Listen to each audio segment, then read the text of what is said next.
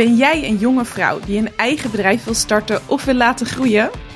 Of juist wil gaan voor een topcarrière in het bedrijfsleven of de politiek? Of juist op een andere manier impact wil maken? Dan is het gratis programma van de Young Lady Business Academy de plek voor jou. In deze gratis Career Academy voor jonge vrouwen leer je alles wat je moet weten om jouw droom waar te maken. Je krijgt les van 18 ervaren ondernemers, politici en topvrouwen. Je netwerkt met andere ambitieuze young ladies en je krijgt de kans om je droom te pitchen aan een bevlogen jury onder leiding van zakenvrouw van het jaar 2017, Elske Doet. Enthousiast geworden? Schrijf je in voor de eerstvolgende Academy Week, live bij het Erasmus Center for Entrepreneurship en start vandaag nog met het realiseren van je dromen. Let op, de inschrijfdeadline is 30 oktober. Zien we je daar? Hoi en leuk dat je alweer luistert naar weer een nieuwe aflevering van de Young Lady Business Academy, de podcast. De podcast waar we in gesprek gaan met succesvolle vrouwen over het bereiken van hun dromen en doelen. Mijn naam is Laura Bas, publiek spreker en Gen Z-expert en ik ben vandaag jullie podcast-host. Als je aan jongeren vraagt wat ze belangrijk vinden op de werkvloer, willen ze impact maken en geld verdienen.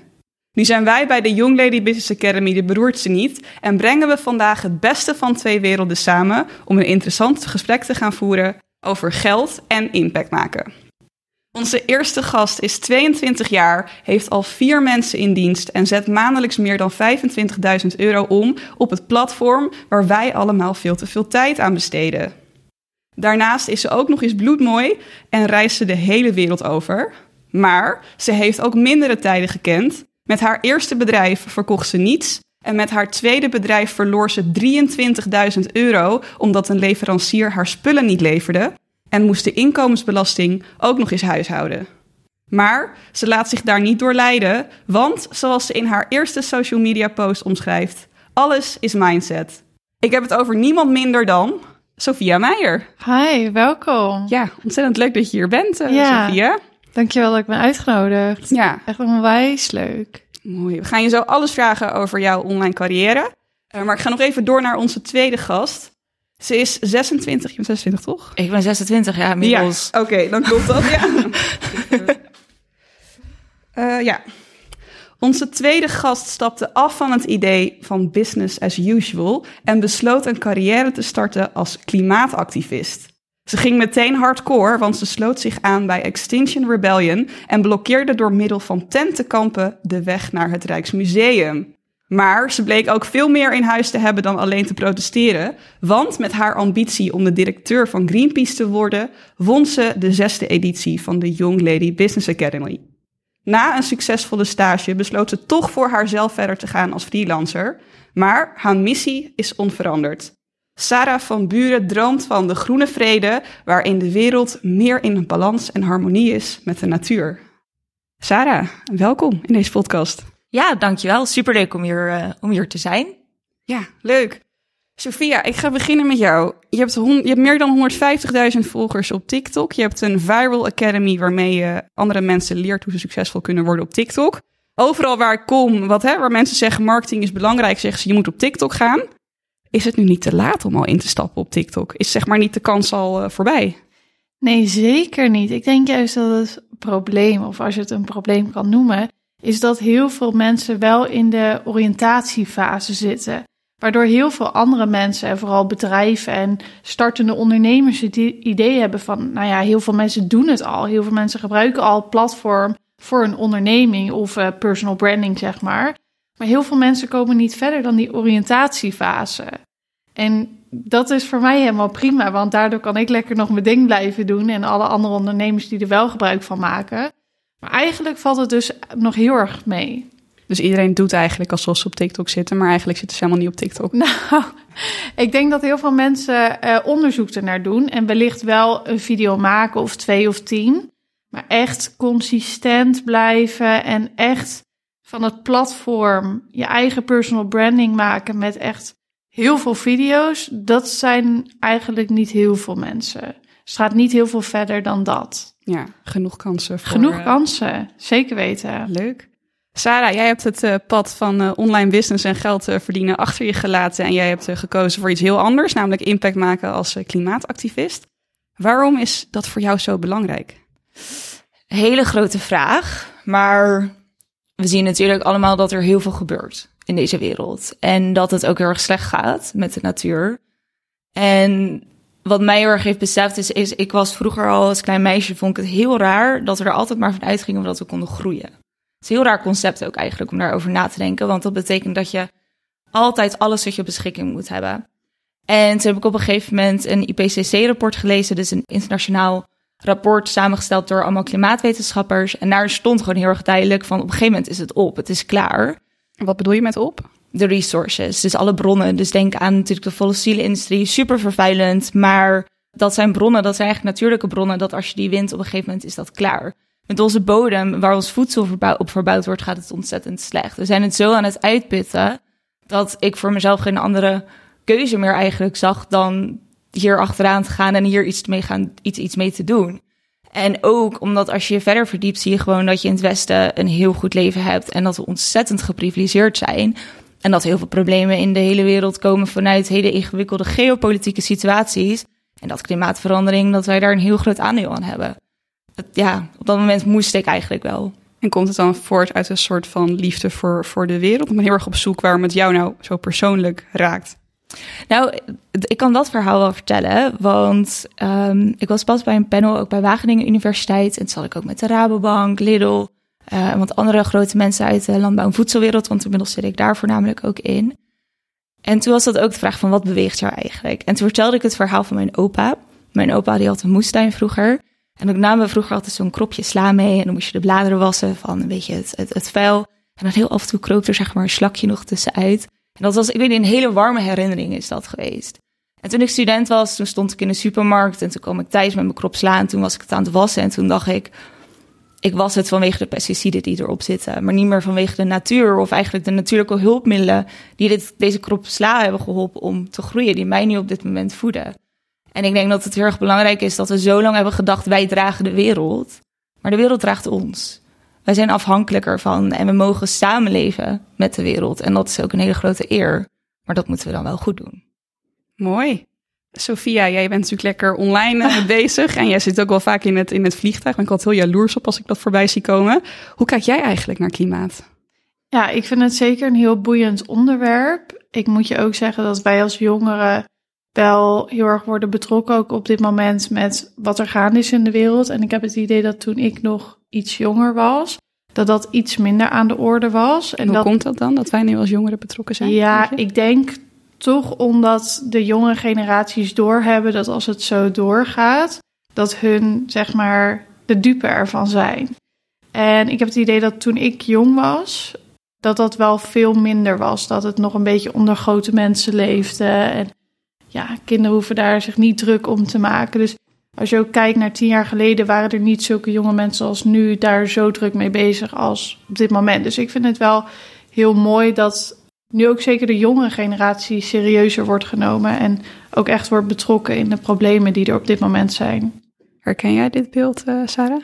Tuurlijk, het is, natuurlijk, het is heel lang inderdaad een beetje geweest van, oh, de jongeren hoeven hier niks mee te doen. Maar we weten inmiddels dat de oudere generatie um, heel veel heeft achtergehouden, waardoor we nu in een problemen zitten. En wat ik heel erg krachtig vind, is dat er steeds meer jongeren opstaan. En niet alleen een plek krijgen, maar letterlijk een plek opeisen aan tafel. Omdat het mijn generatie is jouw generatie en de toekomstige generaties waar we dit uh, voor doen. En kijk, ik ben wel iets ouder en social media is niet helemaal mijn ding, dus ik zit ook niet, niet op TikTok. Maar ik zie wel steeds meer jongeren die wel via social media hierbij betrokken raken. En die er wel van afweten. En ik, ook op middelbare scholen, scholen is het een onderwerp wat besproken wordt. Gelukkig, want bij ons werd dat niet. Uh, we wisten het wel, maar zo heftig zal het niet zijn. Ja. Nee. Nou. Ja, dat idee heb ik er ook over, ja. Ja, nou ja, social media kan jij ons alles over vertellen. Maar zoals ik in je intro al vertelde, je bent eigenlijk eerst met andere dingen begonnen. Kan je ons even meenemen naar de start van jou als ondernemer? Hoe oud was je toen? Wat was je eerste bedrijf? Kan je ons meenemen in die, uh, in die reis? Ja, ik was volgens mij 19 en toen... Uh, Drie jaar geleden? Ja, toen was ik uh, best wel veel thuis. En ik woonde wel samen met twee meiden in een studentenhuis. Maar ik merkte al best wel snel dat ik het niet leuk vond om elk weekend uit te gaan, om elk weekend maar te zuipen en alcohol te drinken en zo. En toen uh, begon ik eigenlijk een beetje te kijken op Instagram van wat doen andere mensen die dat soort dingen eigenlijk niet doen. En toen kwam ik een jongen tegen van mijn middelbare school en die was best wel veel geld aan het verdienen online, zag ik. Dus ik ging een beetje aan hem vragen van, ja, maar wat doe je dan? Weet je, Gewoon hoe- gedM'd. Of- Ja, gewoon gedM'd via Instagram. En eh, ik dacht lekker laagdrempelig, weet je wel. Geen Google-onderzoek doen, gewoon een DM sturen.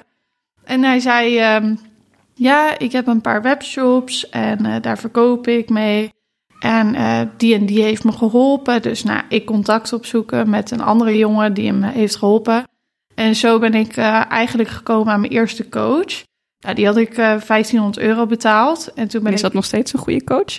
Nee, dat is niet, niet meer mijn coach. Dat is niet meer mijn coach. Was hij toen wel een goede coach? Of, eh, Ehm, ja, hij, hij had zeg maar twee personeelsleden en die hebben mij heel goed geholpen met de coaching. Zeg maar. Hij was meer het gezicht ervan en een beetje ja, gewoon het merk. en die hebben jou leren dropshippen. Ja, het was niet zozeer dropshippen, want ik kocht wel de producten in te testen. Maar op een gegeven moment zorgde ik er wel voor dat ze weer bij een groot eh, handel eh, kwamen te liggen, zeg maar. En dan werd het vanaf daar wel direct verstuurd. Dus heel eventjes, ik probeer het even voor me te zien. Ja. Wat verkocht je en hoe, hoe liep die... eh, Ja, het begon eigenlijk met hondenproducten. Dus ging ik een hele webshop maken met hondenproducten. En dat ging in het begin best wel goed. En dat Maar- kocht je dan in en dan werd het naar jouw huis Ja. gestuurd. En dan stuurde jij het naar de klant. En toen na een tijdje heb je dat in een soort van distributiecentrum. Ja, precies. Ja. ja, dus in het begin kocht ik het eigenlijk alleen maar in om voor mezelf te testen. Zeg maar op die manier. Maar hoe kom je er dan bij om hondenbrokken te gaan verkopen? Ja, geen, geen hondenbroeken, maar voor tuigjes en eh, van die kleden voor in de auto. Weet je wel, dat je auto niet vies wordt. En ik dacht, nou ja, ik heb zelf een hond, dus dat vind ik wel leuk. Kan ik zelf de foto's schieten en zo, lekker goedkoop. Dus En mensen Dat- houden van honden. Ja, ja, ja. Er gaat altijd best wel veel geld in om. Maar ja, toen stond ik er ook helemaal niet bij stil dat je overal hondenspullen vandaan kon halen. Maar ik dacht, ja, ik moet ergens beginnen. En toen op een gegeven moment toen ging dat best wel goed. Dus toen ben ik een webshop ook begonnen in Duitsland, in Zweden, in Noorwegen, eigenlijk heel veel landen. Dat heb je allemaal geleerd van die Ja. coaches. Ja, dus eh, qua kennis kwam ik niks tekort, hè, wat ik heb geleerd. Maar op een gegeven moment ehm, ja, was er een fout gemaakt met mijn leverancier. Want op een gegeven moment werk je best wel lang met de leverancier. En dan denk je, het zit wel goed. Dus toen had ik een periode, ook door corona, dat ik het rechtstreeks liet versturen. Vanaf mijn leverancier naar de klant.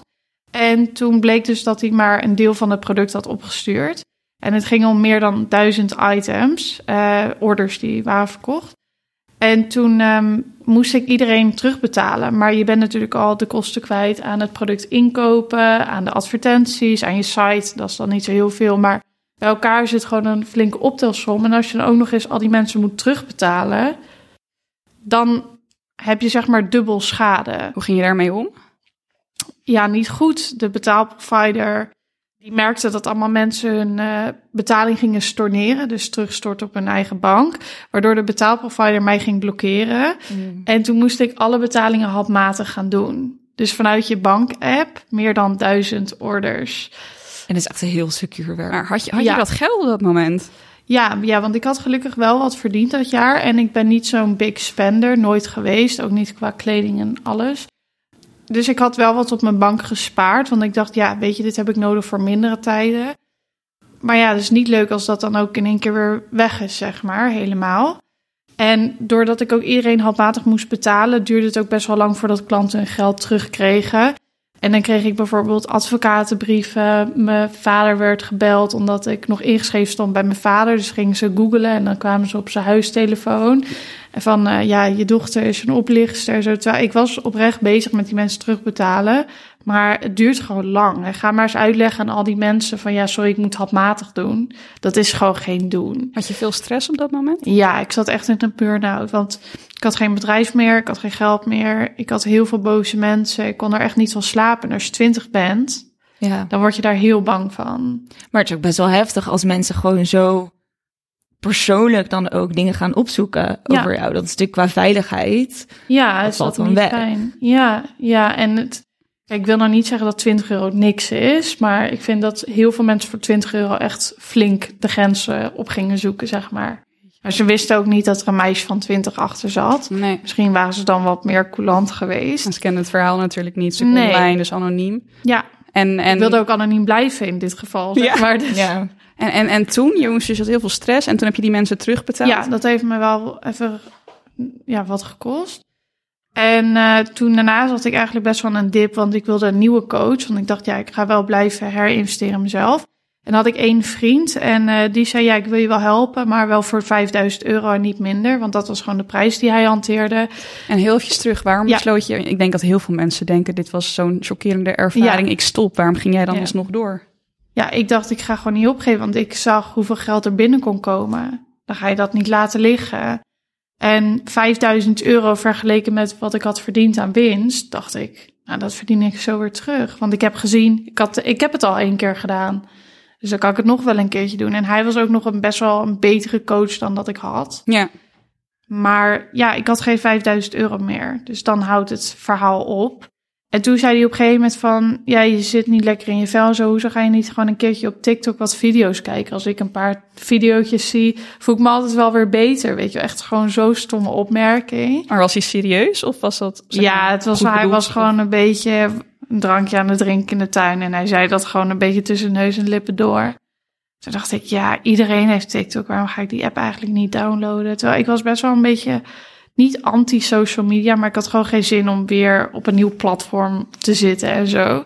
Nou, dus ik die app downloaden, totaal niks van verwacht. Dus op een gegeven moment dacht ik van, nou, ik ga zelf maar een keertje een video uploaden. Dus ik een video maken. Nou, ik kreeg best wel wat reacties en views. En ik dacht, weet je, die dopamine begint te werken. Want wat ging je als, als eerste video's, heb je al gemaakt? In het begin? ja, dat ging echt gewoon over niks. Over wat voor opmerkingen kan je krijgen als vrouwelijke ondernemer van mannen. Nou, dat vind ik niet niks. Ik denk dat dit heel relevant is voor heel veel mensen. best wel leuk om te kijken, hoor, ja. dingen oproept. Maar dat ging dus heel goed. Ja, ja dat sloeg aan. En eh, ja, vooral die mannen dan op TikTok, die vonden het helemaal leuk. Van, oh, weer zo'n vrouw die ondernemer is. Weet je wel, dat, dat zag je destijds helemaal niet veel. Al helemaal niet op die Je maakte zeg maar een soort van de mannen een beetje belachelijk, maar het waren wel de mannen die het heel erg leuk vonden. Ja, ja, zeker. Ja, ja, ja, die hadden dan. Dus ik maakte er weer gebruik van een soort van. En ja, dat heeft er wel voor gezorgd dat ik wat volgers ging opbouwen. En ehm, toen op een gegeven moment dacht ik van, nou, ik ga toch maar iets serieuzere video's ook maken. En toen kreeg ik met 3000 volgers al mijn eerste twee samenwerkingen met twee best wel serieuze grote bedrijven. En hoeveel kreeg je toen voor zo'n samenwerking? Ja, mijn eerste samenwerking er was toen een eh, financiële app. Die werkte ook met Klarna samen. Dus ik dacht ook van zo, dit is wel een grote klant gelijk. En die zeiden, ja, wil jij voor ons video's maken? Dus dat was iets van vijf video's per week. Van ongeveer 30 seconden. En dan betalen we 3.500 euro per maand. En je had toen 3000 Ja, volgers. had en dat was al goed voor zeg Ja. maar 3000 euro. Ja, En je moest dus vijf video's maken en, en bleef dan ook nog doorgaan met je eigen... Ja. eh, ja want zo'n video, ja, die, een video is 30 seconden. Nou ja, die heb je gemaakt binnen 15 minuten, zeg maar. Elke dag dus je één. hebt met 25 minuten werk, bij wijze van spreken, eh 3.500 euro verdiend. Ja, wel elke dag één video, hè? Ja, tuurlijk. Ja. ja. ja.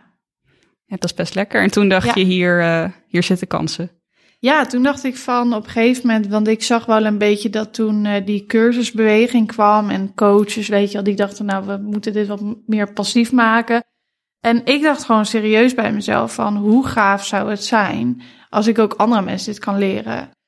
En ook bedrijven hiermee kan helpen om zo'n TikTok-account op te zetten. Dus het was eigenlijk uit een hele pure intentie dat ik een cursus begon. Want ik dacht, ja, hoe meer mensen ik kan helpen, des te beter. En als ik alleen maar één op één ga doen, gaat er zoveel tijd in zitten, kan je niet veel klanten hebben. En op die manier ben ik eh, toen iemand gaan aanschrijven die zelf ook een cursus had en het heel goed deed. En die kende ik ook een beetje via via van het ondernemen. En toen zei ze, ja, ik wil je wel helpen, kost je 10.000 euro. En toen had ik net een beetje dat geld verdiend met die samenwerkingen. Dus ik was gelijk me Gelijk gaan herinvesteren. ja, en het was iets van 12.500 euro inclusief BTW. Ik was het gelijk kwijt weer, mijn winst. Dus dan, dan ga je weer van het ene risico naar het andere risico.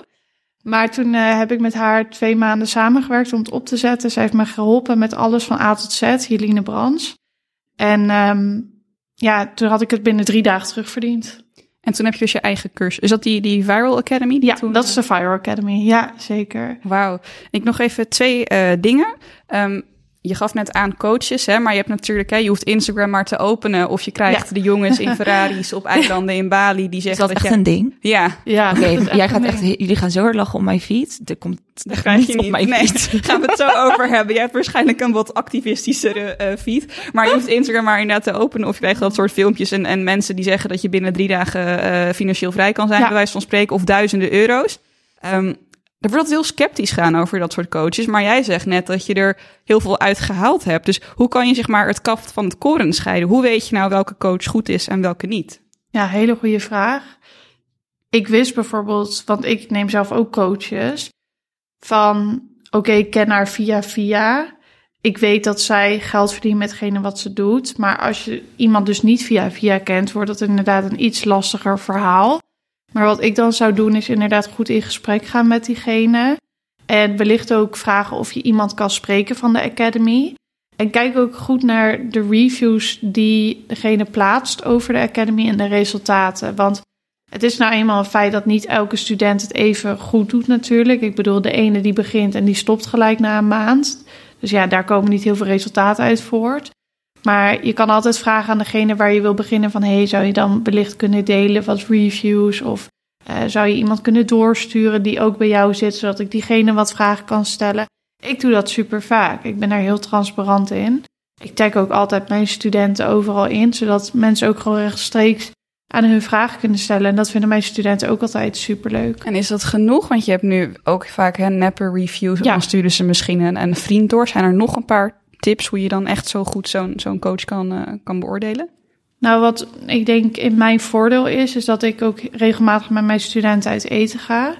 En mijn studenten sturen dan na het etentje, dat was afgelopen keer, twee weken terug, een hele box met allemaal leuke spulletjes en zo. En dan een kaartje met, voor ons ben je goud waard. Nou ja, ik weet niet hoe je dat zou kunnen faken als coach.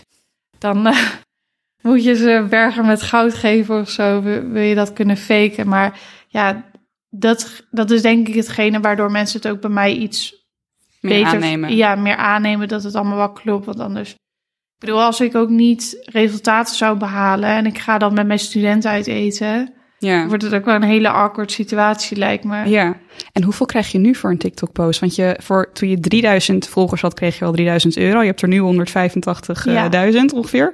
Hoeveel krijg je dan nu voor een post? Ik moet je zeggen, het verschilt een beetje natuurlijk per pakket en hoe lang zo'n samenwerking duurt. Want die van 3.500, ik wist dat die voor de long term was. Dus daardoor deed ik per post wel wat minder. Maar nu vraag ik ongeveer tussen de 1000 en de 1200 voor een video. Voor één video. En, je, Ja. en toen had je dus voor vijf video's, eh, vroeg, Per je drie, week. ja, vroeg je 3000. Ja, Dus daar zit wel een, een stijging in. Ja, ja, Ja. dat is wel een stijging. Het verschil was wel dat ik die video's niet op mijn eigen account hoefde te zetten, maar op hun account. Dus dan ga je ook weer naar een andere prijs kijken, zeg maar. Ja, helder. Sarah, hoe is jouw reis als klimaatactivist begonnen? We hebben nu een hele commerciële gehad. Ja. nu de, de, de, de impact is heel, ja. eh, is heel groot. Laat ik het wel, dat, dat wel voor opstellen. Ehm, hoe is mijn reis verlopen? Ik denk dat elke klimaatactivist wel een eigen reis hierin heeft. Maar ik ben begonnen omdat mijn handen letterlijk jeukt. Omdat, wat ik zei, er zijn zoveel dingen aan de hand in de wereld. En je kan heel veel doen, petities, je kan er politiek ingaan, bedrijfsleven ingaan. Maar verandering gaat langzaam. Maar verandering wordt wel heel erg aangestuurd door juist degene die echt wat, ja, echt de bres op durven te gaan, zeg maar. En toen dacht ik, ik moet het gewoon doen. Ook uit soort wanhoop, frustratie, pijn, verdriet. Ik zag gewoon even geen andere mogelijkheid. Ik was 22. En eh, toen ben ik bij eh, Extinction Rebellion gegaan. Toen heb ik me inderdaad eh, bij een eerste protest in Nederland ook aangesloten. was super Jouw spannend. eerste protest was meteen Extinction Rebellion. Ja, En even voor de mensen die dat niet kennen, dat is best wel een hele organisatie die behoorlijk in de picture is en best wel ook wel rebels is, toch? Het is een, eh, de grootste klimaatactivistenorganisatie, zeg maar wel in Nederland. Gedragen door burgers, dus echt vanuit onderop. Eh, en op dat moment waren ze nog niet super groot. Het kwam het is overgewijd vanuit Engeland. Daar hebben ze in, ehm, volgens mij is het, dat weet ik niet helemaal zeker qua jaartal. Maar toen ik begon in Engeland hadden ze ook net eh, echt een week lang bij de Tower Bridge daar vlakbij iets geblokkeerd. En dat kreeg heel veel momentum, heel veel social media aandacht. En toen is het overgewijd naar Nederland. En eh, daar ben ik wel dus een tijdje actief geweest. eh, Maar ook heel erg, je bent heel jong. En ik was heel erg zoekende ook naar, oké, maar wat is mijn rol? Want ik geloof heel erg dat iedereen kwaliteiten heeft. En dat je vanuit die kwaliteiten kan kijken, oké, maar hoe kan ik impact maken in deze wereld? Waar kan ik verandering teweeg brengen? En toen kwam ik er ook wel achter van, oké, voor nu is dit oké. en het heeft me erg geholpen. Maar als ik op die zeepkist sta, moet ik weten waar ik het over heb. Dus toen ben ik gaan studeren verder, uh, heb ik een master gedaan. Uh, Environment and Resource Management met een specialisatie in globale voedselsystemen. Ik, kom, ik heb Engels gestudeerd en ik heb een specialisatie in taalkunde en literatuur. Dus dat was uh, heel ja. heftig, want ineens was Excel... Uh, kijk, inmiddels weet ik heel veel over Excel. Ik ben natuurlijk zelf ook ondernemer. I love Excel. Maar als je Shakespeare leest en je moet ineens allemaal grafiekjes maken, was een, it was a journey. En nou ja, op een gegeven moment is vanuit die gedachte en dat je dus echt vanuit je kwaliteiten kan handelen, uh, ben ik gaan kijken, oké, maar waar kan ik impact maken? Waar kan ik echt schuren? En ik hou van het stukje activisme. Ik ben nog steeds activistisch, maar mijn rol is ook anders. En nou, toen kwam ik uh, bij Greenpeace, want ik volg Greenpeace al heel erg lang. Een soort keukentafelbegrip, weet je. Het is, is die, die, die mensen die in die bootjes zitten en achter die walvisjagers uh, aangaan. En toen zag ik ook een filmpje en daar stond een van de oude internationale directeuren voor zo'n zaal met allemaal witte mannen in grijze pakken. En die vertelde gewoon even hoe het zat. En toen dacht ik, dat ga ik doen. Dat word ik. Want we moeten nu met z'n allen op gaan staan. Nou ja, toen heb ik me aangemeld voor de Young Lady Business Academy. Want... Ja, heel veel vragen meteen al. Want we gingen er best wel snel even doorheen. Maar Extinction Rebellion, hè, die protesten, dat is ook die worden ook heel vaak mensen opgepakt. En dan krijg je een, een strafblad. Heb jij bij zo'n protest wel eens iets van politiegeweld meegemaakt? Of, of dat je zelf dacht van, oh, ik kan nu opgepakt worden? Tuurlijk, dat is het risico wat je neemt. Dat is wat je doet. En ik denk dat het ook goed is om te weten dat heel veel mensen zeggen, oh, maar het is illegaal en het mag niet. Maar alles wat we wel doen binnen de kaders, daar wordt niet naar geluisterd. En uh, ik een laatste schreeuw om. om dat, tuurlijk, want het is vrij bizar dat de fossiele subsidies wat is het 25 miljard vanuit de overheid elk jaar hierheen gaan en onze klimaat, onze natuur vervuilen. En dat is volledig legaal. Het is zo groot contrast Voor de mensen die het niet zo goed dat begrijpen, wat, wat bedoel je met die fossiele, met die subsidies en de fossiele brandstoffen? Nou, de fossiele brandstoffen, dan kom je in een iets ingewikkelder concept, maar... Het in Jip en Janneke taal, ja. redelijk kort uitleggen. Alles wat we natuurlijk gebruiken qua uh, autorijden, dingen die gemaakt worden in de industrie, daar komt heel veel uh, chemicaliën komen daarbij kijken. En een heel groot onderdeel daarvan is, uh, zijn die fossiele brandstoffen. Dus gewoon alle koolstof, et cetera, wat uit de aarde komt. En dat is eigenlijk wat de motor van deze maatschappij draaiende houdt voor een groot deel. Maar dat is ook hetgene waardoor er zoveel CO2-emissies in de lucht zijn gekomen. Waardoor we dus uh, verwarming hebben, opwarming van onze aarde.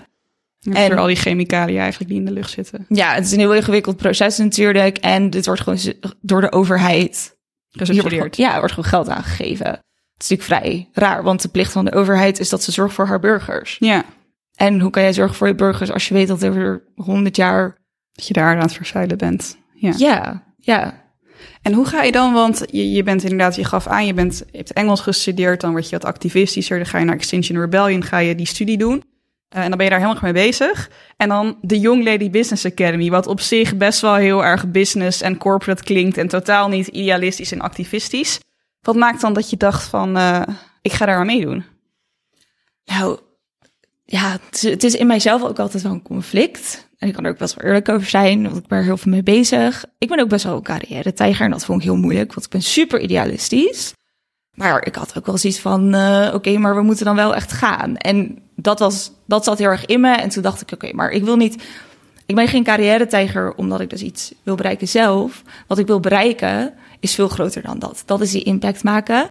Maar hoe je daar komt, moet je heel strategisch over nadenken wat dan het uh, middel is. En zo'n academy is een middel om weer dingen te ontdekken, om contacten op te doen, om ergens voor te durven gaan staan. En ik denk ook dat het heel erg zoeken is geweest, want ik ben activistisch, maar ik ben niet meer aangesloten bij Extinction Rebellion. Ik support ze natuurlijk altijd. Is het een bewuste ehm, keuze om uh, niet meer bij die. Uh, nee, het is gewoon een, een, een, ontwikkeling van mijzelf geweest, waarin ik de zorg ben gaan kijken van, oké, maar wat kan ik uh, gaan betekenen en hoe kan kan ik mijn krachten en mijn kwaliteiten inzetten voor iets, ja, voor die impact, voor die verandering. En ik ben, ik ben er iemand, ik sta altijd in het midden.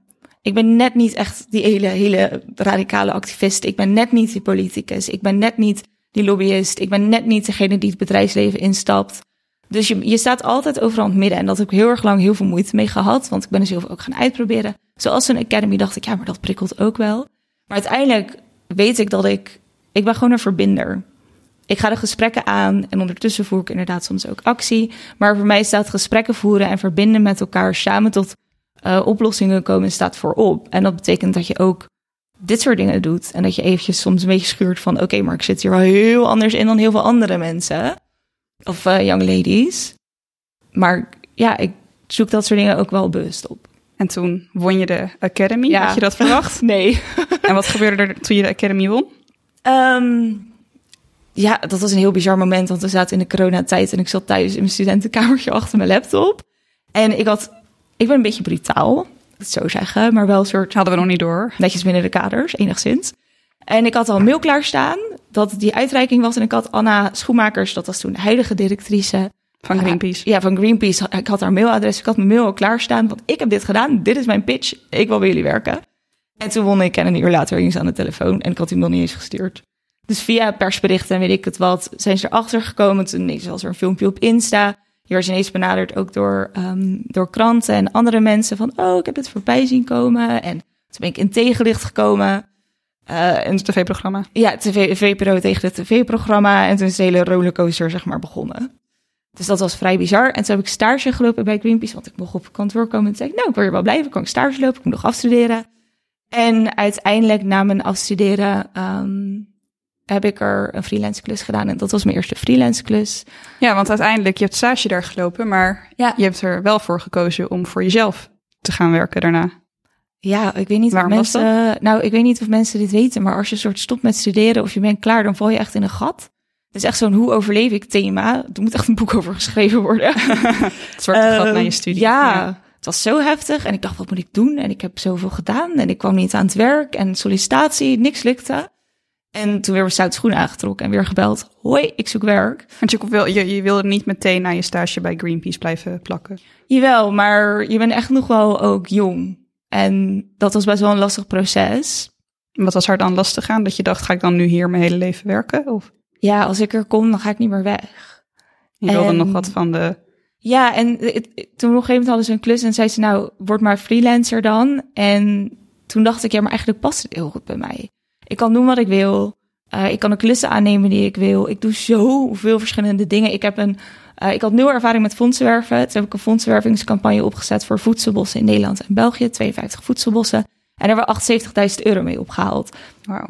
Zeg maar dat soort dingen, daar hou ik ook heel erg van. Die uitdaging, het zoeken, het ervaren, mijn netwerk uitbouwen. En daar heb ik, ja, uiteindelijk brengt dat me vandaag de dag nu waar ik ben. Ja. En Greenpeace is nog steeds het doel.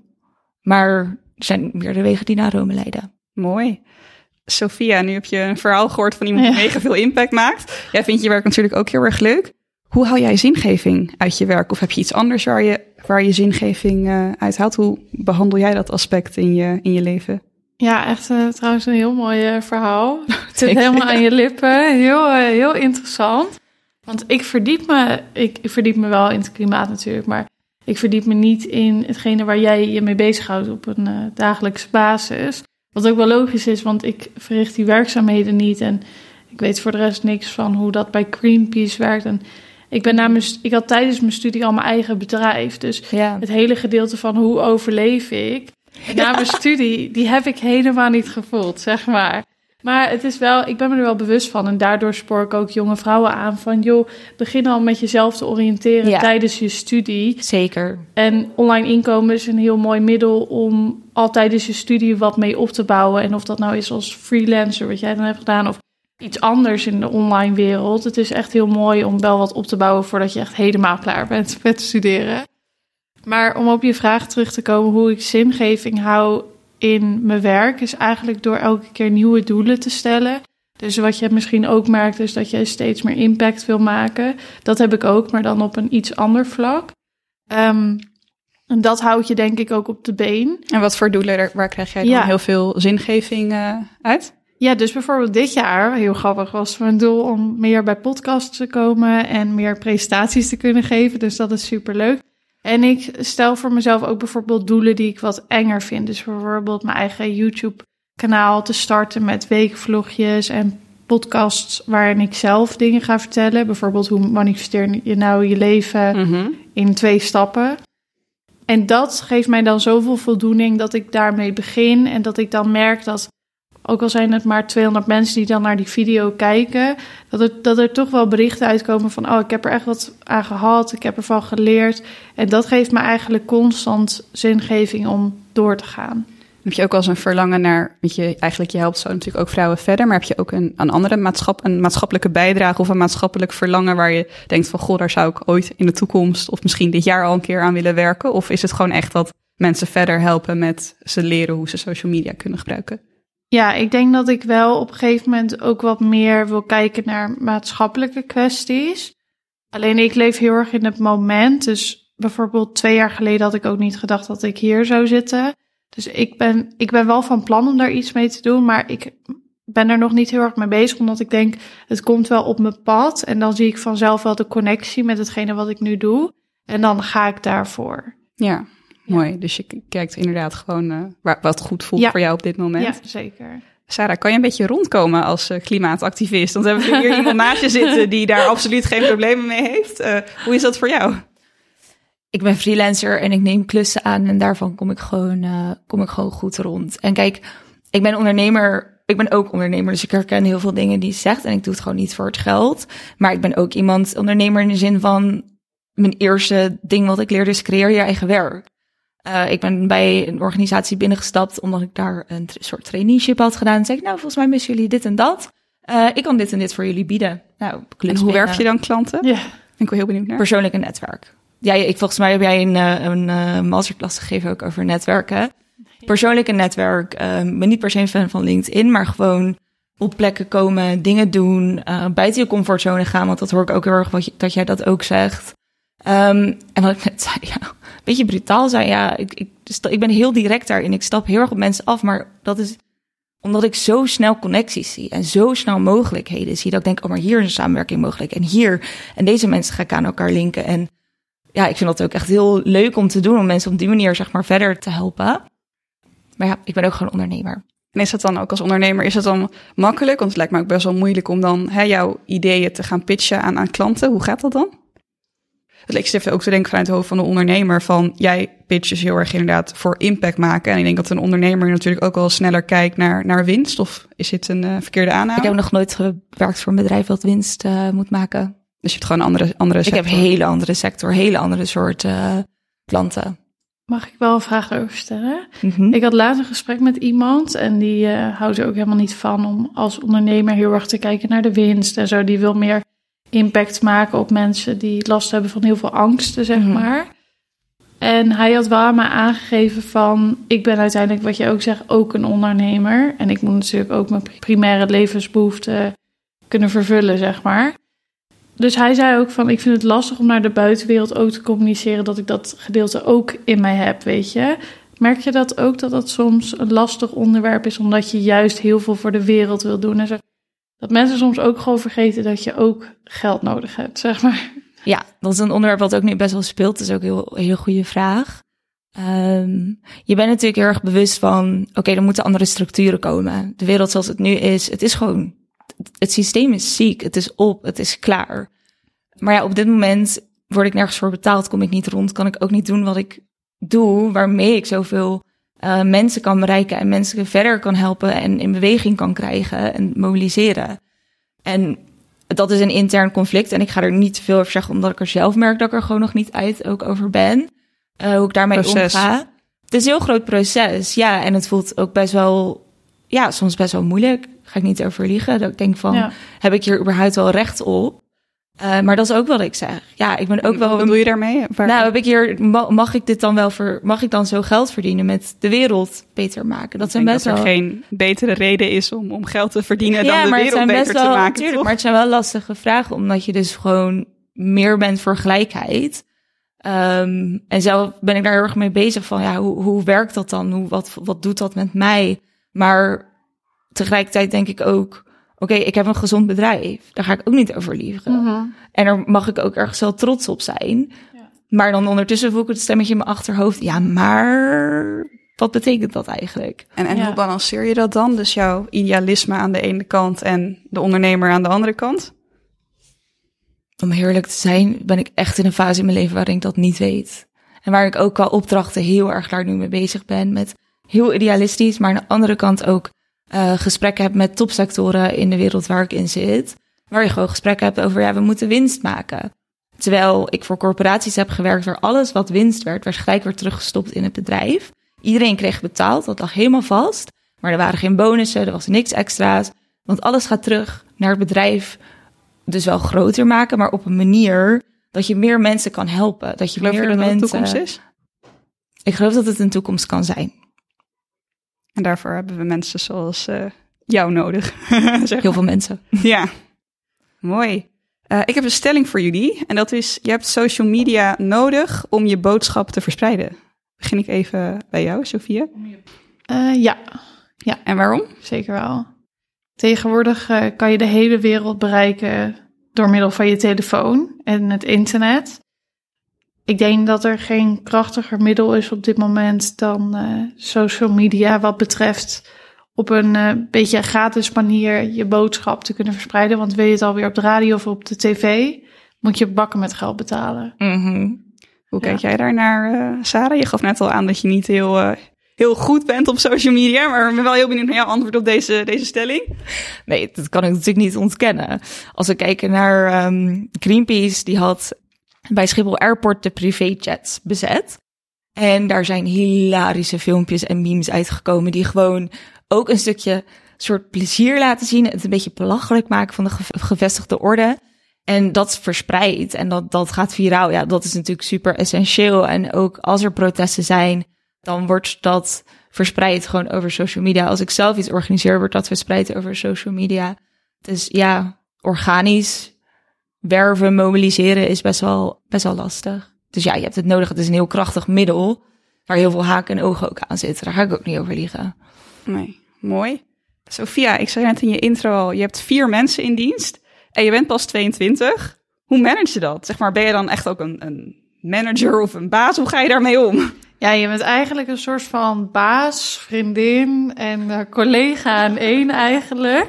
Eh, soms eh, is eh, schakelen daartussen wel lastig, omdat ik ook echt heel close ben met mijn personeel. Zijn jouw personeel, zeg maar, zijn dat, waren dat al vrienden of heb jij echt geworven naar dit soort mensen? Vaak kende ik ze bijvoorbeeld via school of eentje komt zelf uit mijn academy. Want wat Dus- voor mensen heb je in dienst? Even Ja, kort, dus ik heb iemand die meer virtual assistant-achtig is. Dus e-mails beantwoorden, teksten nalezen op spelling. Ik heb heel erg dyslexie. Het is wel fijn als mijn nette e-mails dan ook een beetje netjes zijn. Ja. ja, ja, je wordt toch een beetje erop afgerekend. Alhoewel ik nu wel tegenwoordig ook op LinkedIn zet van... eh, dyslexie eh, zegt niks over eh, je kennis, zeg maar. Ja, maar dan gaan mensen ook niet in op de boodschap. Want die vinden Ja. het dan heel leuk om even daarop aan te vallen. Want dan kunnen ze de kern Ja. negeren. Ja, ik had vanochtend nog een comment over gelezen. Je hebt trouwens ook heel veel spelfouten in je post. Dan denk ik, ja, zo wat. Gaat gewoon Je kan toch lezen? Ja, je kan toch lezen. Zolang je het kan lezen is prima. Maar dus ik heb iemand die meer virtual assistant taken op zich heeft. Iemand die klantcontact doet. Ik krijg ongeveer gemiddeld 60, 70 berichten per dag op mijn social media kanalen. En ik kan dat helaas niet allemaal zelf managen. Ik lees wel vaak dingen terug hoor.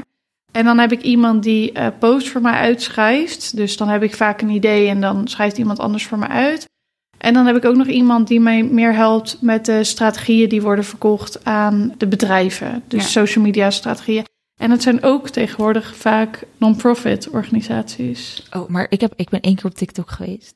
Voor Greenpeace. Oh, Ze kregen heel veel views, maar ik heb het zelf helemaal nooit natuurlijk echt oh wat Maar leuk. toen kwamen er allemaal mensen naar mij toe. Of die appten mij en die zeiden, huh, dat ben jij? Oh, ja, leuk. ik zit niet op TikTok, maar eh, toen heb ik Toch met wel. Greenpeace een filmpje opgenomen. Gelijk En- een eh, impact gemaakt. Maar hoe ga je daar nou mee om, Sophia? Want je geeft ook leiding aan die mensen. Ja. En zeker als het vrienden zijn, ik kan me best wel voorstellen. Hoe, hoe beoordeel jij ze dan? En wat nou als ze iets doen wat jij niet zo goed vindt of niet leuk? Ja, gelukkig heb ik wel eh, duidelijk eh, gecommuniceerd van als er iets is dat niet goed is, dan moet ik dat wel gewoon zeggen. En gelukkig vragen zij mij ook vaak van, hey, kan er iets beter? Dus daardoor is er een soort van goede communicatie vanaf beide kanten. En dat maakt het heel fijn om ook gewoon die grens te kunnen stellen als baas zijnde. Mocht je heel erg merken dat iemand heel erg op de vriendschappelijke kant gaat zitten en je het moeilijk vindt om aan te kaarten als iets niet goed gaat, dan wordt het lastig. Want dan heb je een beetje het gevoel alsof je de vriendschap even moet onderbreken en dan eventjes, uh, sorry, maar dit moet echt anders. Dat wordt wel een beetje lastig. Wat ik ook bijvoorbeeld heb, is dat we verschillende WhatsApp-groepen hebben. Dus privé één op één is gewoon persoonlijk. En via de chat is Hoi, kan je dit voor me doen? Kan je dit regelen? Hier heb je een factuur. Kan je die terug mailen? Dat is dan een andere chat. andere chat. Dus ja. WhatsApp, wat gewoon dus gezellig is. En dan een andere chat, wat zakelijk Ja, dus gewoon als ik jou voor privé app, dat is gewoon uh, gezellig. Maar als ik een groep heb met z'n tweeën, dus alleen tussen ons twee, dan is dat voor werk. Ja. En nou, dat, voelt wel fijn, want dan heb je dat ook nog wel een beetje gescheiden in de communicatie. En heb je ook wel eens mensen echt moeten aanspreken omdat ze er een beetje een, een potje van maakten? Ja, ik was erachter gekomen dat een personeelslid van mij uh, voor mijn concurrent was gaan werken. Terwijl die ook nog voor jou werkte? Ja. Oeh, en hoe ben je er toen daarmee omgegaan? Ja, ze had het me niet zelf verteld. Ik ben er helaas achter gekomen door een andere onderneemster van mij. Uh, die ik ken, waar ik ook een soort van bevriend mee ben. En ja, zij kende ook weer iemand en die had het dan gehoord. Maar ik wist dus wel dat mijn personeelslid en die meid waarvoor ze ging werken, mijn concurrent, dat die wel contact hadden. Want ik had haar met haar gelinkt. Van hé, hey, die doet iets dat wellicht in de toekomst ook wel interessant kan zijn voor jou om daarbij aan te sluiten. Maar ik had nooit in gedachten genomen dat zij dan ook nog eens voor haar zou kunnen werken. Maar ja, zij, mijn concurrent is ook gewoon ondernemer en denkt ook strategisch. En die zag wel wat in haar. En ik had haar opgeleid. En onder de ondernemers heb ik een beetje ja, een naam. Ze weten gewoon dat ik het goed doe. En dan denkt ze van ja, dan zal haar personeelslid ook wel goed zijn, want die wordt getraind door haar en zij heeft insights. En als ik die dan in mijn bedrijf kan krijgen, kan ik dat ook weer eh, overnemen. Ja, kan ik dat meenemen. En zo gaat dat. En helaas had ze op dat moment geen contract bij mij. Dus, uh, maar mondeling was het wel een beetje. Het was wel duidelijk dat ik niet wilde dat ze voor mijn concurrent ging werken en dat ze het ook niet had verteld aan mij. Dat was voor mij ook al genoeg om te denken van hier zit iets niet goed. Maar omdat ze ging, heb je er toen ontslagen? Of? Ja. En ze had geen contract, dus ging dat dan ook vrij makkelijk? Ja, dat is gewoon ZZP. Dus uh, zij kon hmm. stoppen wanneer ze wil en ik kon stoppen wanneer ik wil. Is dat ook een model wat je beginnende ondernemers aan zou willen raden? Ja, 100%. Ja, ja ik raad niemand aan om, om te beginnen met een contract of zo. En de mensen die ik aanneem, die hebben bijvoorbeeld ook nog wat ernaast. Dus die zouden niet eens een contract willen, want dan moeten ze van alles gaan overleggen met mij. Ja, ze gaan meerdere opdrachtgevers ja. inderdaad. Ja, dus gelukkig is dat vanaf beide kanten nu wel uh, gewoon goed zo. Ja, er zijn niet heel veel vrouwelijke ondernemers uh, in Nederland en ik heb hier twee naast me zitten. Ik ben wel even benieuwd. Ik begin even met jou, Sarah. Wat doe jij nou zo goed wat andere vrouwelijke ondernemers niet goed doen? uh, Zo, daar moet ik eventjes over nadenken. Wat, wat, wat doe ik? Ja, laat ik het zo zeggen. Ik doe het kennelijk goed. Ik heb geen website. Ik heb alleen een Insta en een LinkedIn. En ik hoef Je hebt geen website? Nee. Ik hoef niet te oh. klagen. Echt zeg maar. Op een gegeven moment was het zelfs zo veel aanvragen dat ik makkelijk had kunnen zeggen: vier mensen, kom maar bij. Hier heb je dit en dit. En hoe komt dat dan? Dat je, dat je alsnog zoveel aanvragen krijgt? Ja, ik weet niet. Gewoon mensen die je wel vinden en die je weet. En dat, dat heeft heel erg te maken met de manier waarop je werkt, denk ik ook. En dat je laat zien waar je inzet, hoe, hoe groot je inzet is. Dus ja, ik kan echt niet zeggen van dit of dat doe ik beter. Maar heel erg zijn denk ik gewoon heel vaak dat ik heel veel geluk ook heb gehad. En op een gegeven moment was het al zoveel aanvragen dat ik dacht, nou, ik kan een soort zeggen, ik ga je het anders inrichten. Maar ik hou ervan om mezelf in het veld te staan. Om mezelf bezig te zijn. En dit is niet mijn droom. Dit is niet mijn ding. En ik zou heel graag andere mensen wel ook hier in deze wereld willen betrekken. Maar op dit moment is dat niet iets wat, uh, wat ik ambieer. Maar geluk is zo abstract. Ik denk uiteindelijk moet je ook gewoon goed zijn in je werk. Anders komen mensen niet naar je toe. Dus wat is nou echt iets wat jij gewoon heel goed kan? Wat, wat doe je nou zo goed dat mensen bij je terug blijven komen of denken: ik ga Sarah van Buren bellen? Ik weet het echt niet. Maar dit is wel je moment om jezelf te verkopen, hè? Know, ja. maar ik ben daarin echt. Ik, ja, nee, ik ben, ik ben heel slecht in mezelf verkopen. Maar laat ik het zo zeggen ik kom binnen, ik zie heel snel wat de connecties, wat de relaties zijn en waar potentieel zit. En ik eh, leer, geef mij tijd, want ik ben best wel een beetje, ik kan best wel verlegen zijn als ik binnenkom ergens. Uh, ben ik, ik ben best wel afwachtend en dan ga ik eerst alles bekijken. Dan weet ik wat de randvoorwaarden zijn, wat de contouren zijn en dan breek ik alles open. En wat dat doe je ermee dat je alles openbreekt? Dan ga je heel veel feedback geven en dingen Nee, ja, dan, dan komt mijn creativiteit naar buiten, zeg maar. Dus ik leer heel erg wat kan en wat er gedaan is. En zodra ik dat snap, dan gaan we buiten out of the box denken. En Dus dat is echt een kernkwaliteit dat je out of the box denkt. Ja, en ik ben heel proactief. Ik denk dat heb ik wel gezien bij andere free- freelancers die een beetje afwachtend zijn. Ik ben dat totaal niet. Maakt niet uit wie, wat, waar je vandaan komt. Ook als je echt vanuit topsectoren, politicus of weet ik het wat. Ja, ik stap er echt gewoon op af. En dat ik denk, wat ik al zei, ik, dat het een stukje brutaal zijn wat ik nu ook nog kan omdat ik jong ben. En dat leer je natuurlijk steeds meer ook wel van, oké, hoe kan ik dat anders inzetten? Maar proactief op mensen afstappen, dingen doen en laten zien eh, wat je kan. Mooi. En wat je kan brengen. En mensen meenemen in je grotere visie. Dat is ook heel belangrijk. Sophia, wat doe jij nou zo ontzettend goed dat jij op je 22 al zo'n succesvol bedrijf runt? Ja, ik sluit me een beetje bij jou aan, want het is echt het gedeelte van doen. Het is Ja. echt gewoon durven. En Soms zeggen, soms dan zeggen studenten ook tegen mij van ja, en dan ben ik met zo'n bedrijf in gesprek en dan vragen ze van waar kan je ons dan mee helpen? En dan zeg ik, jij hebt een hele academy gevolgd over TikTok. Hun hebben niet eens TikTok. Ja. Bluff jezelf er doorheen. Je weet al meer dan hun. Hun hebben niet eens één video. Kom op, beetje gas er tegenaan. Ja. Je hebt zoveel meer kennis eigenlijk dan dat je denkt. Ja, had hier pas ook een heel mooi gesprek over, want ik ben heel veel bezig ook met jongerenparticipatie. Ik ben heel erg voor jongeren die gewoon een plek opeisen. En zei iemand, ja, maar die ruimte is er, maar jongeren durven en doen ook Mhm. niet echt. En dat zie ik ook wel. Ik denk dat het een beetje een soort... We, zijn, we leven in een hele hiërarchische maatschappij. Dus het is heel erg logisch dat je dan denkt van... maar wat heb ik te vertellen en wat kom ik doen? En daarvoor zou ik zeggen, breek daaruit. Want jij bent gelijk in alles en iedereen. Jouw mening telt. En wij zijn de jongere generatie. Wij hebben andere ideeën. We gaan al zo anders met elkaar om dan degene die nu aan de macht zijn. Het Ja, het is ook wel een beetje de meningen van anderen heel erg, merk ik dan van...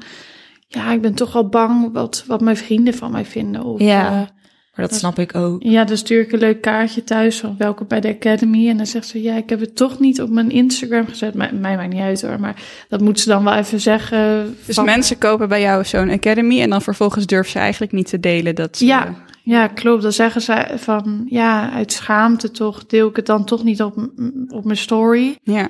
Omdat ze bang zijn wat andere mensen ervan vinden. En dan denk ik, ach meisje, maar je moet juist zo blij zijn dat je die stap neemt voor Ja, jezelf. ja. Nou, jullie hebben daar overduidelijk geen last van. Eh, zeker jij, Ja, Saria, zeker was- wel hoor. Ja, maar Ja? je ging toch ook heel Ja. snel naar Extinction? Dat, dat is toch ook best wel... eh, Ja, maar ik heb heel veel onzekerheid gehad. En hoe heb je dat overwonnen? Ik denk dat het een heel intern proces, maar kijk bijvoorbeeld na de academy, er gebeurt ineens heel veel. Maar je bent heel jong. En dat is zeg maar wat jij hebt als je bepaalde tegenslagen hebt, is best wel moeilijk om te dragen en om daarmee om te gaan. Want wat is dan een tegenslag die, die jij hebt gehad, Sarah? Want eigenlijk, als ik eh, kijk, heb je Academy Ja. gewonnen... en een succesvolle carrière eruit eh, aan overgehouden. Nou, zoals ik er nu bij zit, zo, had ik er, zo zat ik er een jaar geleden of anderhalf jaar geleden echt niet bij. Want ik had gewonnen en er kwam heel veel op me af, maar daardoor kwamen al die verwachtingen.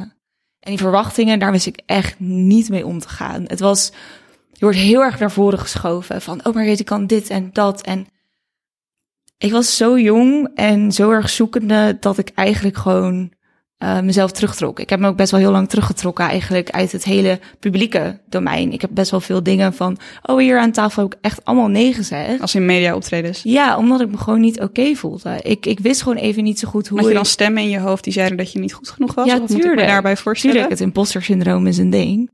Ehm, Een imposter syndroom is dat dus mensen dat je, dat je dan eigenlijk denkt Ja. van ik verdien dit niet. eigenlijk het gevoel dat je elk moment door de mand kan vallen. En dat heb ik natuurlijk nog steeds wel. Maar ik kon die verwachtingen, daar kon ik echt niet mee omgaan. En toen was best wel dichtbij instorten. Bij een burn-out. Ik heb op mijn 17 ook een burn-out gehad. Dus ik wist hoe dat voelde en ik wilde dat ook niet. En toen heb ik me heel bewust teruggetrokken van oké, ik ga op kleinere schaal weer even beginnen. Werken aan mezelf. Ehm, ik was echt een stukje minder brutaal. En voor sommige mensen, die hebben, ik, mensen weten dit niet, omdat ze altijd iets hebben van ja, maar jij gaat ervoor. Maar er gaat een heel proces, aan, aan vooraf intern, voordat je dat doet. En wat zou je dan aan andere jonge vrouwen willen meegeven die ook last hebben van onzekerheid? Wat heeft jou heel erg geholpen? Als je de dingen doet waar je echt in gelooft en het gaat goed en je hebt positieve ervaringen, dan mag je daar ook echt op bouwen. En het gaat niet altijd om status of dit of dat, maar zoek echt in je werk de verbindingen op en laat je ook verrassen door jezelf.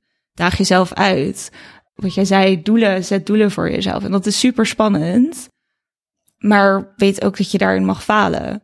En dat falen niet betekent dat je gelijk de pet, of hoe zeg je dat, pet in de ring, of de, Ja, handdoek in de ring. handdoek in de ring. Ja. Ik ben zo slecht met dit soort dingen. Je hoeft niet gelijk de handdoek in de ring te, te gooien. Wil je dat wel even doen, is het oké. maar probeer door te blijven gaan. Mooi. Hoe is dat voor jou, Sophia? Want je hebt ook eh, recent verteld, jij bent vroeger ook heel erg eh, gepest. Hoe heb je jezelf, jezelf daar doorheen toen eh, geslagen? Ja, eigenlijk ehm, leer je er op een gegeven moment gewoon mee omgaan. Als in, je hebt het gevoel dat je buitengesloten wordt. En op een gegeven moment ga je ook dat alleen maar zien, zeg maar. Ja, Dus dan ga je er ook naar leven. Dus op een gegeven moment vond ik het wel eigenlijk rustig. Dat ik, nou, ik zit lekker elke middag alleen te eten. En ik ga mijn cd'tje opzetten. En ik hoef met niemand te praten. of? Ja, ja, ja, dus tot en met mijn studie. Dus tot Ja. en met anderhalf jaar geleden. Dus op een gegeven moment vond ik het eigenlijk wel prima. Ehm, je accepteerde de situatie. ja, ik accepteerde en ik maakte eigenlijk best ervan. Ik zag eigenlijk in dat ik het ook helemaal niet leuk vond om elke middag met allemaal mensen te moeten praten. Weet je, dat je die Ja. verwachting hebt van, oh, dan sta je weer met mensen, ja. altijd sociaal. Dus mijn sociale batterij, die was ook altijd best wel vol als ik uit school kwam. En dan kon ik leuke dingen doen met mijn eigen vrienden. Dus ik leerde er echt wel mee leven en ik vond het eigenlijk wel relaxed. Maar het, het was zeker op jongere leeftijd niet fijn. En het heeft me ook wel onzeker gemaakt als in dat ik altijd wel een people pleaser werd naar de mensen die wel bevriend met mij waren buiten school om. Omdat je toch een beetje het idee hebt van, oh, ik moet misschien net wat meer mijn best doen om leuk gevonden te worden. Heb je dat nu wel los kunnen laten? Nee, ik hoor dat nog steeds wel van vrienden van, oh, je geeft echt te veel aan bepaalde studenten of klanten of gewoon niet je grenzen aangeven of ook qua financieel, weet je, dat ik te veel geef aan mensen, om- omdat ik dan denk van ja, het kan en ik wil niet het gevoel hebben dat mensen denken dat ik gierig ben. Dus ja, in enige zin heb ik dat nog steeds, maar ik zie het niet per se als iets slechts. Zolang je heel veel geeft, kan je ook heel veel terugkrijgen. Ik wou dat net zeggen. Ik denk dat er zo erg. Het is super belangrijk om grenzen aan te geven. Vooral voor je eigen, voor jezelf, je mentale En hoe gezondheid. doe je dat grenzen aangeven? Hoe doe je dat? Ehm, door sowieso gewoon eventjes te ervaren van wat heb ik nodig. En ik, ik, ik check heel vaak mijn sociale batterij. Want mijn sociale batterij is echt helemaal niet zo, eh, niet zo groot. Het liefste zou ik eh, heel... Bijvoorbeeld, ik, het liefste zit ik gewoon dan een paar weken in mijn eentje ergens op een boot of weet Oh, ik ja. wat. maar dat is heel spannend. Alleen wat ik me ook altijd bedenk als iemand bij mij grenzen aangeeft, hoe voel ik me dan? Het eerste wat ik dan denk is, oké, is goed. Hoe gaan we dit oplossen? Prima, jij gaat dit doen, dit en dat. Ik ga ze gelijk zorgen. En ik, maar mij doet het dus niks als mensen grenzen aangeven. Ik vind het alleen maar fijn. Dus als ik daarvan uitga en dat besef heb dat andere mensen dit ook zo bij mij kunnen ervaren, dan geeft dat ruimte. En vanuit ondernemersperspectief toch gesproken, uiteindelijk duidelijkheid, communicatie en grenzen aangeven brengt ons allemaal verder. Dan weet ik waar ik aan toe ben, dan weet die persoon waar die aan toe is. En dan krijg je ook niet een conflict daar, zeg maar, in. En wat ik wou zeggen is dat ik snap dat mensen dat denken en dat er erg een business mind is van, oh, maar je moet meer, meer en dit en dat. Maar ik denk juist die vrijheid en dat de liefde en de zachte, zachte kant die je hebt, dat dat ook is wat nodig is in deze wereld. Echt, laat je alsjeblieft niet verharden hierdoor. Echt niet. Ja, Ik vind dat juist ook heel mooi. oh, mooi dat je dat zegt. Heel leuk. Ja, en grenzen aangeven is een proces. Dat leer je Ja. vanzelf. Ja. Mooi. Ik wil eh, ook nog eventjes naar een eh, stukje ja, actief, eh, actief iets. Want we hebben natuurlijk hebben heel erg heel open gesprek gehad. Maar het is ook wel leuk om een stukje kennisoverdracht te doen. Sophia, jij hebt vrij recent ook een masterclass gegeven bij de Young Lady Business Academy. Wat heb je daar eigenlijk andere vrouwen geleerd? Ja, ik heb eigenlijk geleerd hoe ze vooral social media kunnen inzetten om hun personal branding of hun bedrijf online of offline groot te kunnen brengen. En wat ik heb ook heel veel openlijk over geld gepraat, omdat ik echt merk dat vooral in Nederland, België best Mhm. wel een ding zit op geld. Je hebt een hele goede relatie met geld. Ja, dus dat zei ik ook gelijk. Hoe in- kom je aan die goede relatie met geld? Ehm, ik zie geld niet zozeer als ook, wil nu geld verdienen, want dan kan ik, kan ik vanmiddag shoppen. Voor mij is geld een soort spel geworden, alsof je een soort game aan het spelen bent op je telefoon. Dit is echt mijn economievak. Ik ben een economiedocent hoor ik hier. Het is een spel. Maar ja. Ja. snap ik. Ja, voor mij is het echt gewoon, ik vind het gewoon echt een uitdaging voor mezelf van oké, eh, als ik dit doe, dan kan ik zoveel verdienen. En wat ga ik dan weer met dat geld doen? Wat voor impact kan ik daarmee maken? Wat kan ik bereiken in mijn leven? Dus ik heb een hele goede verhouding met geld als in... Voor mij is het gewoon een leuk onderwerp. En ik merk dat op het moment dat jij ook wat positiever naar geld kijkt... het ook makkelijker is om geld te kunnen ontvangen. Ook omdat je niet een taboe erop legt voor jezelf. Dus daar ben ik ook heel open geweest tijdens de presentatie over geld verdienen en wat je nou kan verdienen aan een post. En hoe bedrijven dan kijken naar jou op social media. En wat je zou kunnen delen en hoe je jezelf kan positioneren. Maar ook hoe ga je om met de meningen van anderen. En wat doe je als je een tegenslag hebt. Dus daar heb ik echt de focus op gelegd. Misschien een beetje controversieel voor sommige mensen. Ik kreeg bijvoorbeeld ook Heel Oh, vragen. Ik kreeg ook vragen over klimaat bijvoorbeeld. Van, oh, je vliegt dan heel veel en hoe doe je dat? En dan zei ik ook van, weet je, ik vlieg dan misschien wel veel voor mijn werk ook. Omdat ik ook word uitgenodigd voor dingen in het buitenland.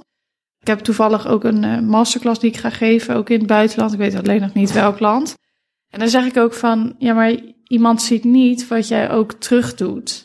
Dus Ja. als ik dan een keertje doneer, en of dat nou is aan het Rode Kruis om elke maand iemand uh, boodschappen te kunnen laten kopen, of um, aan het klimaat, dat hou ik gewoon voor mezelf. En als Ja. mensen daar een probleem mee hebben, wat ik voor de rest doe voor mijn werk, dat laat ik dan lekker bij hun. Maar zolang ik vind dat ik een goede balans heb voor mezelf, dan Is doet dat me niks. Ja. Ja. Ik ga het dan toch vragen. Want waarom deel je het niet? Waarom deel je deze kant niet? Want ik denk dat.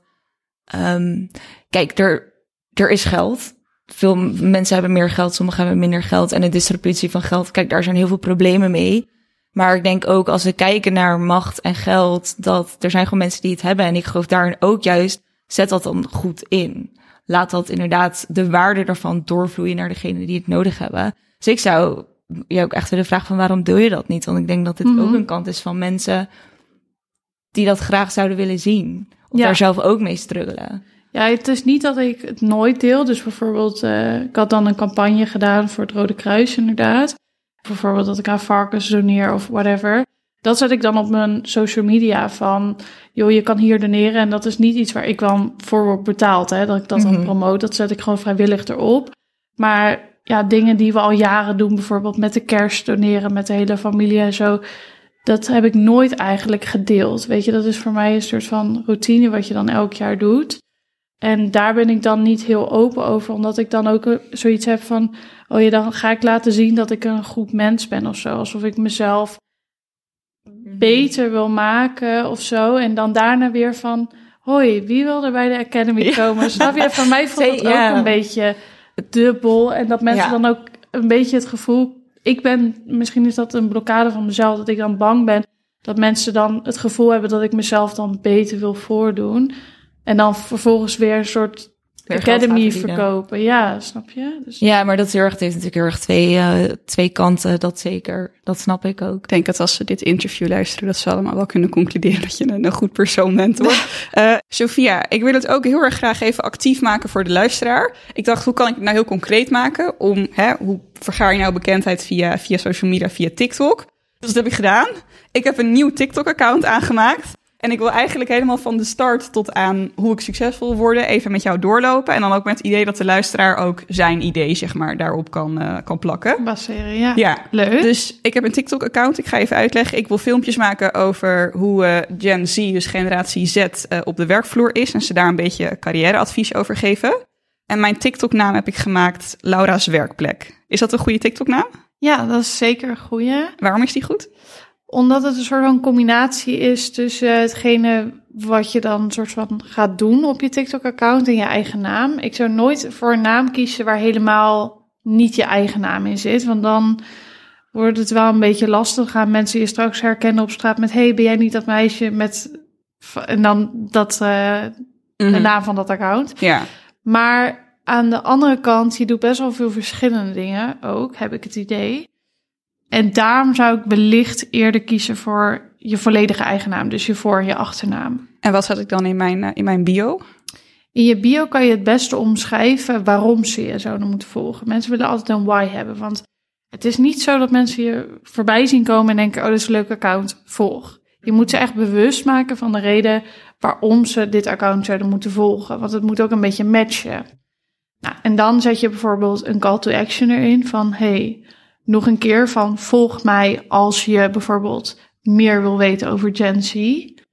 En dan kan je nog wat anders erin zetten. Bijvoorbeeld. Uh, als je meer als je het leuker wil hebben op je werk. Of als je. Ja, bijvoorbeeld. Dus het moet wel een beetje relatable zijn aan de video's die je maakt. Uh, want anders zet je bijvoorbeeld in uh, leer hoe je geld kan verdienen. Terwijl je alleen maar tips geeft over ja. hoe je kan spreken, zeg maar. Dat -huh. klopt niet helemaal. Nee. Um, en dan zet je bijvoorbeeld nog iets in dat meer over jou zegt. Dus bijvoorbeeld, ik had dan omdat ik een beetje ben van de social media en bekendheid, heb ik er dan ingezet waar ik dan allemaal ben geweest. Dus bijvoorbeeld in de Telegraaf, op Beurs Insight en zo. Maar jij zou, ja, ja, ja, meer, jij zou bijvoorbeeld dan, als jij heel veel zou vertellen over spreken, zou het heel interessant zijn als mensen kunnen zien aan je bio dat je voor het, bij TED Talk bent geweest. Ja. En ik wil het nu even toespitsen op, op Gen Z. En de luisteraar ja. kan het dan even met, uh, met zijn idee doen wat voor filmpjes ga ik maken? Wat, wat, wat moet ik posten? Ja, dat is echt een hele goede vraag. Want die vraag krijg ik echt altijd. Van ja, maar raak ik dan nooit een keertje op met ideeën? En dan zeg ik van nou gelukkig niet. Want anders zou ik 350 studenten hebben die me elke dag zouden opbellen van wat moet ik nou vandaag gaan posten. Dus wat ik je aanraad om te doen is goed concurrentieonderzoek. Natuurlijk kan je zelf met ideeën komen aan de hand van wat jij denkt dat jouw doelgroep wil zien. Denk ook altijd vanuit je doelgroep, niet vanuit wat jij wil zien, maar echt vanuit de doelgroep. Maar wat ook een hele goede tool is om te kijken bij je concurrentie van wat werkt bij hun. Want als je bijvoorbeeld bij hun werkt, uh, ziet dat uh, bijvoorbeeld A werkt, onderwerp A. Nou, dan zou het wellicht wel handig zijn voor jou om ook onderwerp A aan te snijden in wat video's. Dus stel, maak het even concreet. Stel, ik wil filmpjes maken over Gen Z op de werkvloer. En ik zie dat op TikTok helemaal filmpjes gaan over wat Gen Z irritant vindt op de ja. werkvloer. Dan zou ik daarover ja. posten. Ja. ja. En hoe en vaak zo... moet, ik, moet ik posten per week? Dat verschilt echt een beetje per niche. Maar ik zou zeker in het begin aanraden om toch wel twee keer per dag te posten. Twee keer per dag? Ja, en dan bijvoorbeeld vijf dagen in de week. En hoe lang moet mijn, uh, moet mijn video dan zijn?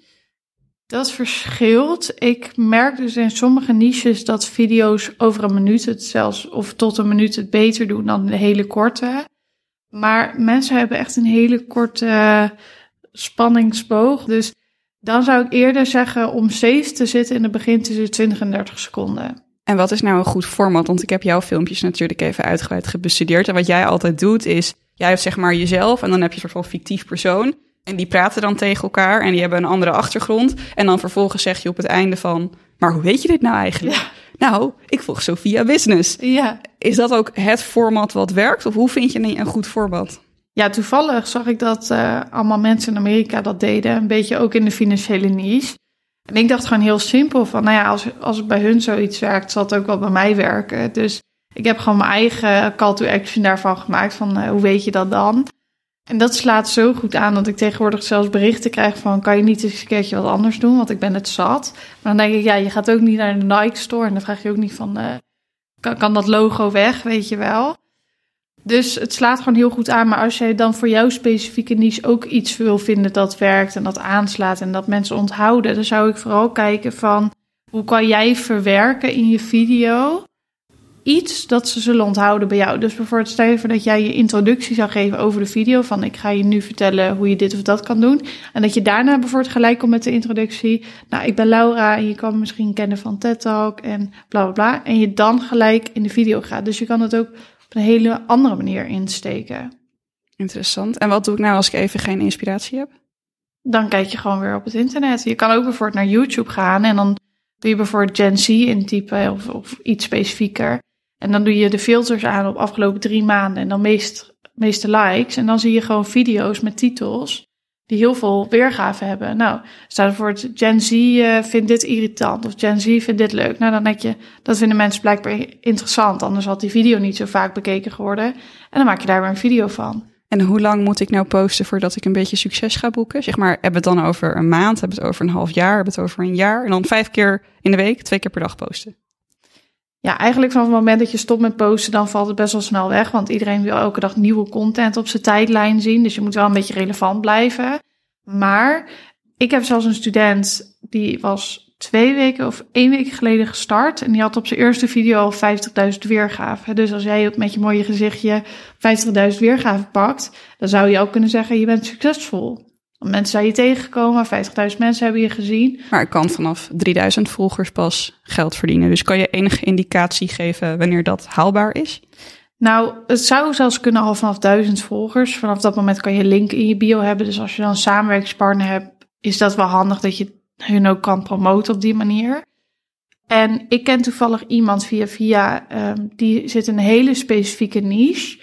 Dus zij werd al gevraagd vanaf duizend volgers voor samenwerkingen. En hoe lang doe je dan ongeveer over die duizend volgers als je dus inderdaad die vijf keer in de week, twee keer per dag post? Ja, de eerste duizend zijn het lastigst, want niemand wil een account volgen met nog maar twintig volgers of net vijf video's, zeg maar, tenzij je een Greenpeace bent, dan is het een ander verhaal.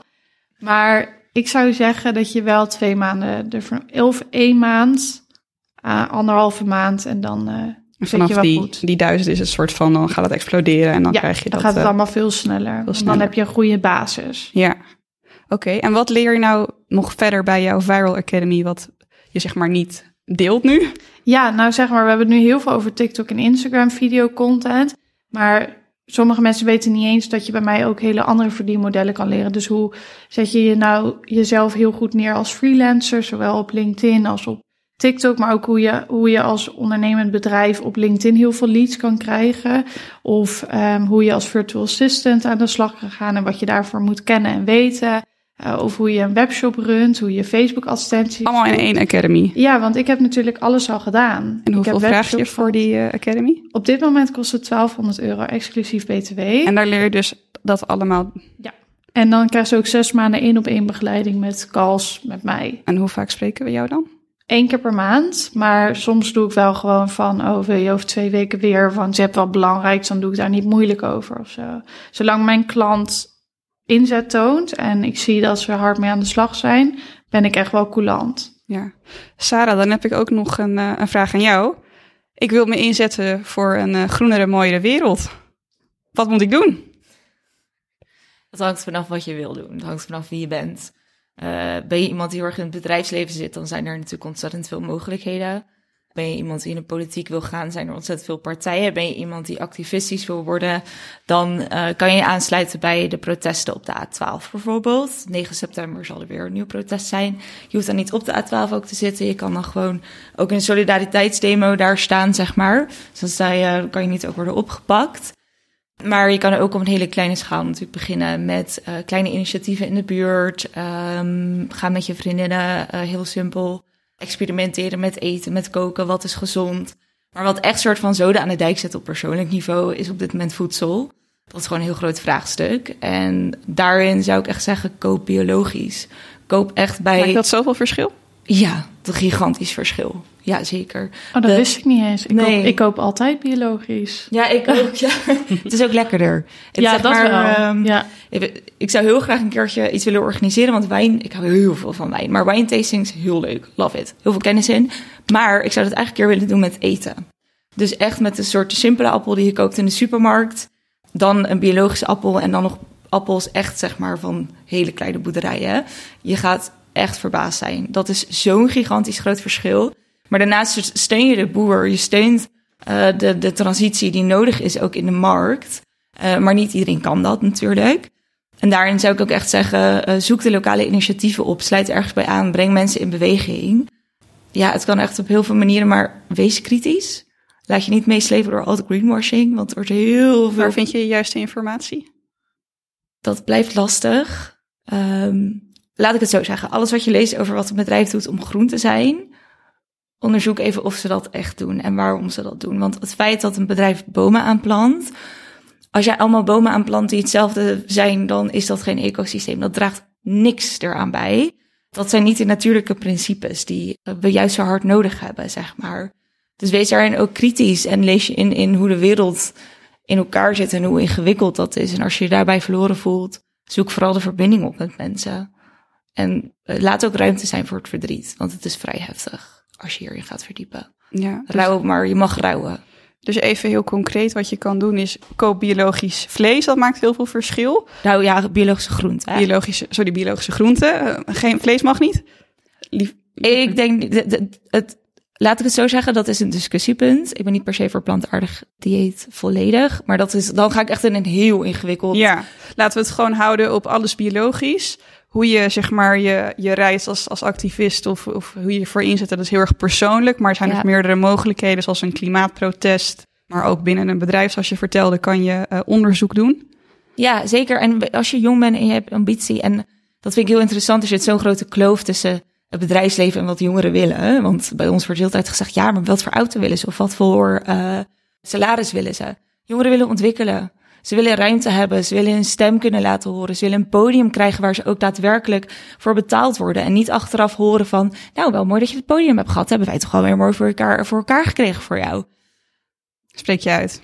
Wel- ik spreek uit ervaring, laat ik dat zo zeggen, ja. Mooi. Ehm, dus dat. Nog een allerlaatste vraag aan jullie eh, beiden. Wat zou je je jongeren zelf willen meegeven? En wat zou je meiden willen meegeven die zich twijfelen om zich op te geven voor de Young Lady Business Academy? Het zijn eigenlijk twee vragen, maar ik ga ze toch allebei stellen. Sarah? Wat ik mezelf zou willen meegeven aan mijn jongeren zelf, is het komt wel goed. Deze diepe principes, diepe gedachten die in je zitten, wat jij ook zegt. Je hebt dingen meegemaakt, op een gegeven moment trek je je terug. Als dat is wat je voelt, en je voelt je daarmee anders dan heel veel mensen om je heen, luister daarnaar. Dat is helemaal oké en dat komt vanzelf, dat is oké en dat komt vanzelf wel goed. En wat ik de young ladies zou willen meegeven die zich zouden willen opgeven.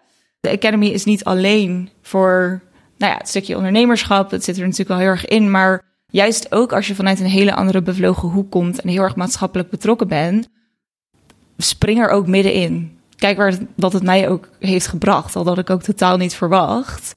En ik, zeg heel brutaal, maar ik besefte me net, Elske zegt altijd bravoure. Laat je laat bravoure zien.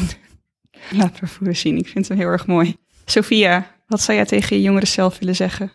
Ja, dat je eigenlijk niet zoveel moet aantrekken van anderen. En inderdaad ook wat jij zegt van, voel je dat je je wilt terugtrekken, doe dat dan ook gewoon. Want uiteindelijk heeft dat er ook voor gezorgd dat ik weer op een ander pad ben gekomen dan de andere mensen uit mijn klas.